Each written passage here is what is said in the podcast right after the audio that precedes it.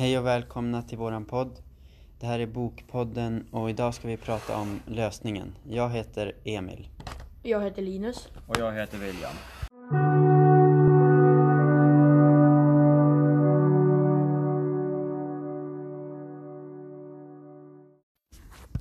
Linus, börja du då. Ja, kan jag göra. Eh, I min bok så intervjuade Wallander, eller ja, Wallander fick först tag på barnet åt eh, föräldrarna som hade blivit dödad. Eh, han låg på ålderdomshem, han var typ runt 60-70 år. Han for dit eh, och eh, började intervjua han. Han sa att han inte visste någonting och hade ingen aning om någonting. Han sa att hans föräldrar bara dog som vanligt och ja. Sen så for Wallander hem för att han trodde inte att, eller han, han tyckte han kände att det var någonting som, att han ljög om. Så ringde ålderdomshemmet hon, hon som tog hand om den där killen och sa att han var borta. Han hade snott en bil och stuckit därifrån. Då sa Wallander det att ja, men han trodde att han visste vart han var. Så då for han till stugan där de hade blivit dödad och där var han. Så Wallander, han hade, ja, gubben där hade krossat en ruta och gick in. Och så sen gick Wallander in. Eh, han visste, han, han undrade om han skulle ringa förstärkning men det sket han i. Så han hoppade in. Satt killen där.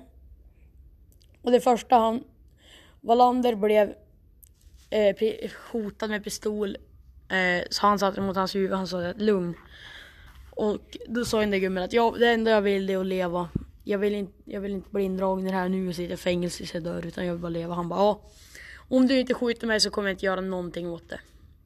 Så då så tog de och satte sig men gubben riktade fortfarande pistolen. De började prata och han erkände och sen tänkte väl André att han, han visste nästan att han skulle bli skjuten så han tänkte försöka och eh, hoppa över bord och plocka pistolen av gubben för han trodde inte att gubben var så snabb och hade så snabb reaktionsförmåga. Men den där gubben var så här eh, expert på pistoler och grejer så att ja. Så Wallander gjorde ett försök men då drog han tillbaka pistolen och b- hällde ner Wallander på golvet. Han siktade mot hans huvud och sa det att nu vann jag och så sa han du kommer dö nu så att inte jag blir inhäktad för någonting. Så Wallander låg där och tänkte att han, han visste att han skulle dö och då sköt gubben men den där pistolen var så gammal så att då exploderade pistolen och han, gubben fick en järnflisa i huvudet och dog innan han ens hade nuddat marken när han föll ihop. Så Wallander ringde på förstärkning och han satt där helt förtvivlad och bara gjorde ingenting. Han var jätterädd. Han visste, alltså, han visste hur nära döden han var. Och han valde att inte berätta för sin dotter för att hon då tyckte hon att han skulle sluta vara polis för att han far ut så på farliga ärenden själv.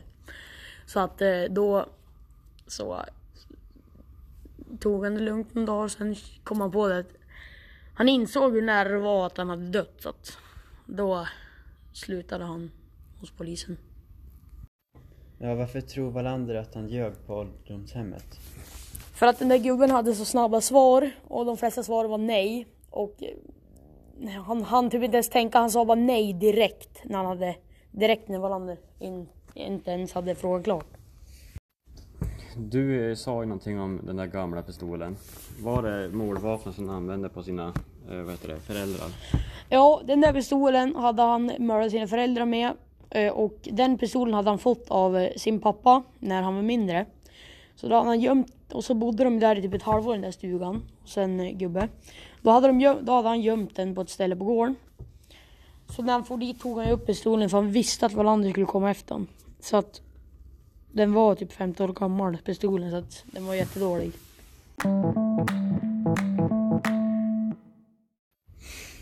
Ja, var ska jag börja? Det börjar med att Hassel gick in på en salong, en frisörsalong. Han vart, eh, han gick vet du, för att han visste ju att det var tre utlänningar där han trodde ju att det var de som hade stått stod för sprängningarna i Stockholm. Så han gick ju in, så gick han längre in i salongen. Sen vart han ju vet du, knockad i huvudet av en eh, pistol eller vad man ska säga. Han, sen när han vaknade upp var han i en källare som var kolsvart. Och han träffade på en kvinna där som hette Camille. Och det var Stiander, Stianders dotter. Men eh, han hittade ju, han försökte hitta vet du, tändstickor för att lysa upp där nere i källaren. Och så då grävde han, grävde han i en låda och där hittade han ett lik och så var det massa maskar. Han hittade ingenting utan en revolver med skott i. Som man trodde inte de hade sett. Men sen så, han sköt ju ett skott där mot eh, handtaget då, och så sparkade de upp dörren tillsammans. Camille sprang först. Hon vart skjuten med tre skott i hjärtat. Och Hassel han sköt en utlänning. Och sen tog han sig ut. Och det var omringat med poliser och allting och polisen för skrek åt dem att de skulle komma ut med händerna uppe, vapnet skulle de slänga ut genom fönstren och så vidare. Och sen när Hassel vart förd därifrån för att han skulle, han skulle in på hotell och han skulle vet du, prata med Ilvona eller vad han hette.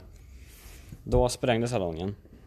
Och alla som var där inne dog. Och två polismän som gick in för att ta hand om utlänningarna dog också. Och sen så Hasslade på något sätt fått reda på att Lindagården var ett en mötesplats för alltså de här människorna då. Så han tog dit folk, förstärkning, eh, IT-kunniga, alltså datorkunniga. De sökte igenom varenda dator de hade på gården, varenda telefon tog de in, de samlade alla i en matsal. Och sen skulle Hassel, med all den här informationen de hade tagit nu, polisen, då skulle Hassel berätta vad han fått reda på. Han fick reda på att, eh, vad heter det, vad heter hon då? Barbara Milford som satt där inne var chef för den här ligan då. Han berättade också att Hank Preim var också typ en ledare. Och så P.A. Steander också. Alltså det var de som stod för sprängningarna och så hade de anlitat tre män, tre utlänningar som den där Hassel hade sett då i den där skåpbilen som jag pratade om förut. Och en av de där männen satt i matsalen. Så han pekade på honom. Han satt helt tyst och kollade ner i backen. Polisen förde ut honom. Och förhörde. Och så berättade han om att den andra mannen var Hank Preim.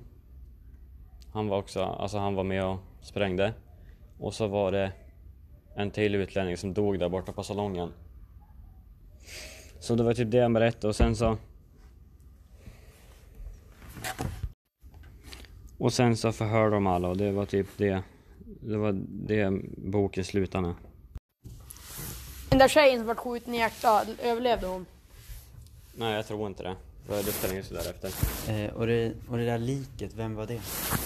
Ja, jag, jag tror att det var när Hank Preim och Stiander och massa fler, Ovås och Millemal tror jag de hette, var på den där båten. Och när Hank Preim förfalskade sin död. Så fiskemannen där, han som körde båten, jag tror det var han som de avrättade för att han skulle vet du, erkänna massa.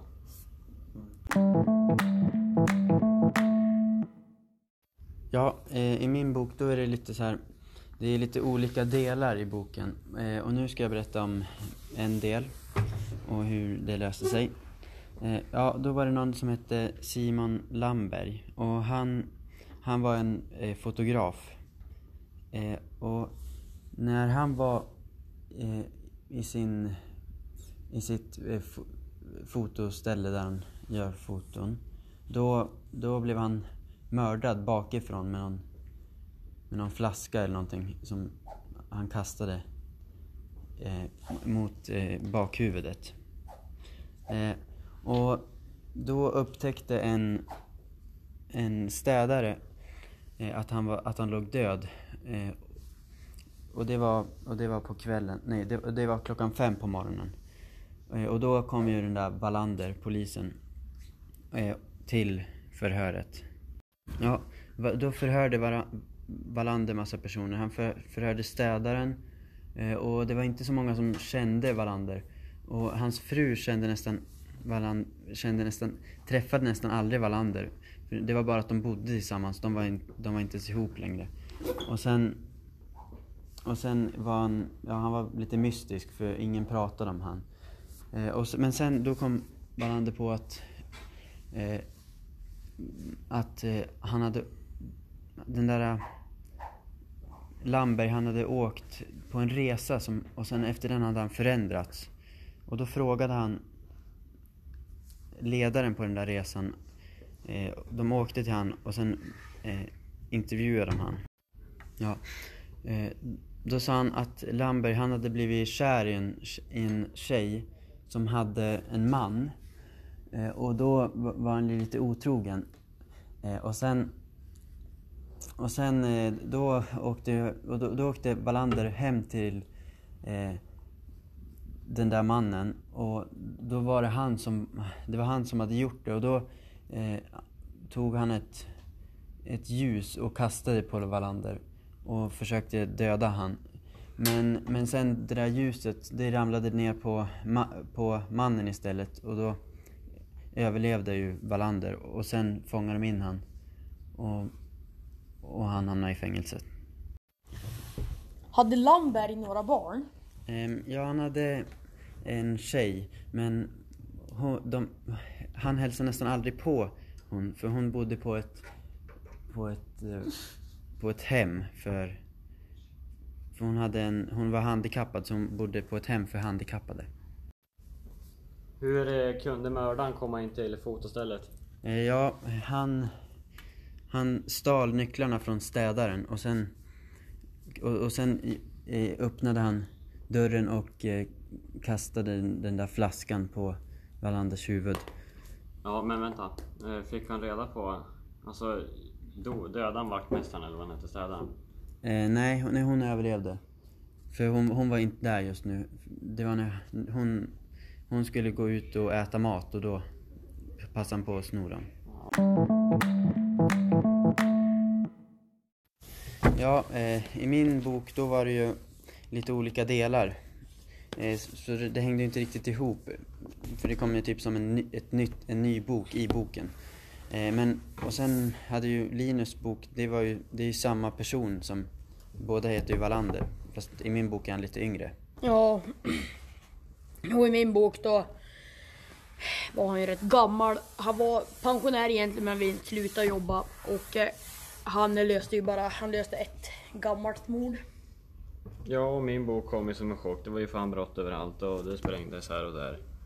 Och typ eh, alla hans kollegor var ju gärningsmän.